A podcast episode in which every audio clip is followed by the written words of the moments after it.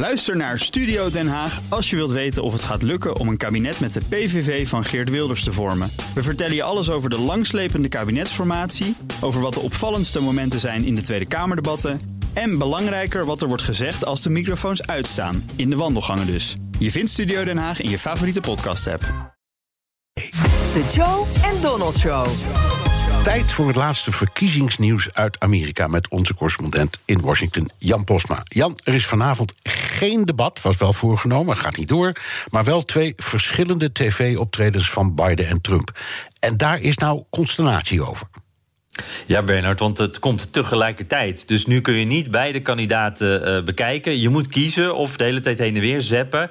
En er is ook wel wat frustratie, omdat uh, Trump nu een beetje zijn zin krijgt. Dankzij uh, NBC, de, de tv-zender die hem uit heeft genodigd. Trump zegde af voor dat debat. hij wilde niet virtueel meedoen. En, en nou ja, dat had allemaal te maken met zijn coronabesmetting.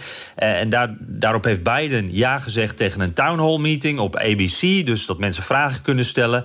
En Trump heeft nu ja gezegd tegen eentje op, op NBC. Op hetzelfde moment.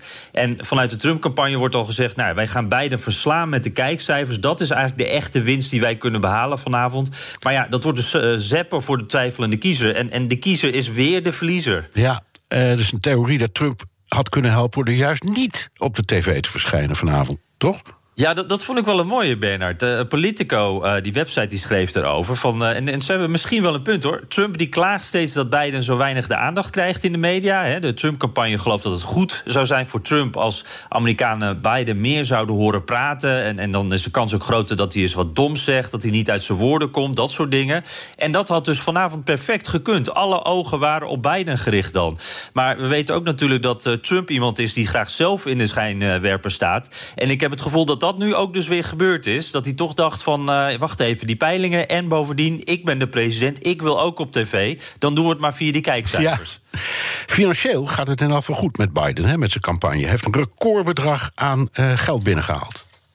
Ja, dat is echt uh, 383 miljoen dollar. Dat was in uh, september en dat is een record. En uh, daardoor heeft Biden nu in, in die laatste paar weken 430 miljoen dollar klaar liggen voor de eindsprint. Nou joh, in drie weekjes meer dan 400 miljoen dollar uitgeven.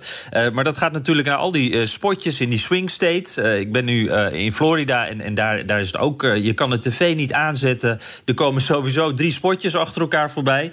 Um, en ja, het wordt wel spannend om te zien hoeveel Trump heeft binnengehaald. Want die heeft zijn cijfers nog niet bekendgemaakt. Maar die liep vorige maand toch uh, 150 miljoen dollar achter. Dus flink uh, minder geld. En daar valt wel iets op, Bernard. Uh, als president geeft Trump namelijk wel cadeautjes weg. miljoenen voedselpakketten voor arme gezinnen. Met een brief met zijn handtekening dan erbij.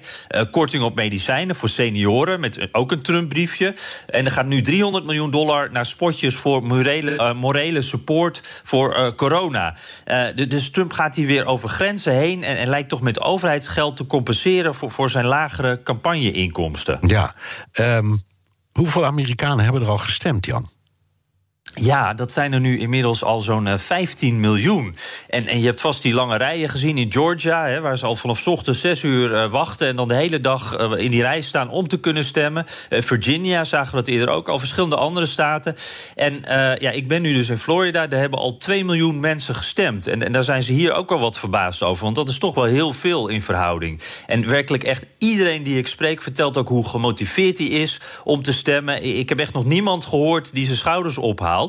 En, en uh, ja, dat, dat geldt ook voor beide kanten. Florida natuurlijk een swing state. Maar ik moet wel zeggen, vooral democraten... die zeggen echt, ik wacht al vier jaar. Zodra ik kon stemmen, heb ik het meteen gedaan. Ik wil echt geen dag langer wachten. Dit is mijn kans. Dat, dat is het gevoel dat je krijgt. En dat is dus meer bij democraten dan bij republikeinen. Voor zover ja, jij het om je heen ziet. Ja, Republikeinen zijn ook gemotiveerd hoor. Maar je hoort gewoon bij die Democraten, dat, dat heeft jarenlang uh, geborreld. Die, die, dat moet er nu gewoon echt uit. Ja. Dankjewel, Jan Posma, onze correspondent in Washington. Wilt u meer horen over dat fascinerende land? Luister dan naar de Amerika-podcast van Jan en mij. En we zijn genomineerd voor een Dutch Podcast Award. Stemmen kan nog tot vrijdag op podcastawards.nl. Ook Liesbeth Staats vind je in de BNR-app. Ja, heel handig. Luister live naar Kees en mij tijdens de Daily Move. Dan blijf je ook gelijk op de hoogte van breaking news en het laatste zakelijke nieuws. En daar vind je ook alle BNR-podcasts, waaronder de Perestrooikast. Download nu de gratis BNR-app en blijf scherp.